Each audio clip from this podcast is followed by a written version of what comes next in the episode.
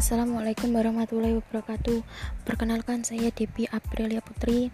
Saya akan menjelaskan tentang perjuangan R.A. Kartini.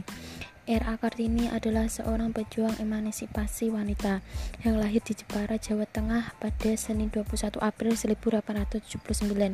Kartini merupakan pejuang wanita yang dari Indonesia yang membela hak derajat kaum wanita. Walaupun berasal dari kaum bangsawan, namun tetap merendah di hadapan rakyat miskin. Ayah dari R. Kartini adalah seorang Raden Mas Adipati Aryo Sosroningrat, di mana adalah Bupati Jepara. Kartini lahir dari istri istri pertama namun bukan istri yang utama dan Kartini memiliki garis keturunan dari Sultan Hamengkubuwono dan Kartini adalah anak kelima dari 11 bersaudara kandung dan tiri. Dia adalah anak perempuan tertua.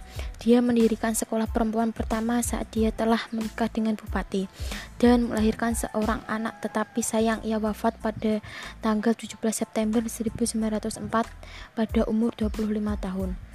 Yang membuat saya terinspirasi Kartini adalah kegigihannya dalam memperjuangkan kaum perempuan yang dulunya perempuan hanya bisa masak, berdandan, sekarang dapat duduk di bangku sekolah dan bisa setara dengan laki-laki.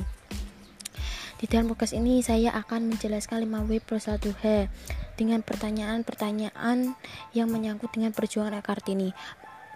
Pertama, apa yang diperjuangkan oleh era Kartini? Yang diperjuangkan oleh Kartini adalah emansipasi wanita. Kedua, siapa ayah R.A. Kartini? Ayah R. Kartini adalah seorang Raden Mas Adipati Aryo Sosonira di mana adalah Bupati Jepara. Ketiga, di mana lahirnya R.A. Kartini? Di Jepara, Jawa Tengah pada Senin 21 April 1879. 4. Kapan wafatnya R. Kartini? Pada 17 September 1904. Kelima, mengapa R. Kartini memperjuangkan emansipasi wanita? Karena wanita di zaman dahulu terdiskriminasi. 6. Bagaimana R. Kartini memperjuangkan perempuan dengan mendirikan sekolah perempuan pertama di Indonesia? Sekian pembahasan dari perjuangan Kartini mudah-mudahan bermanfaat bagi kita semua. Wassalamualaikum warahmatullahi wabarakatuh.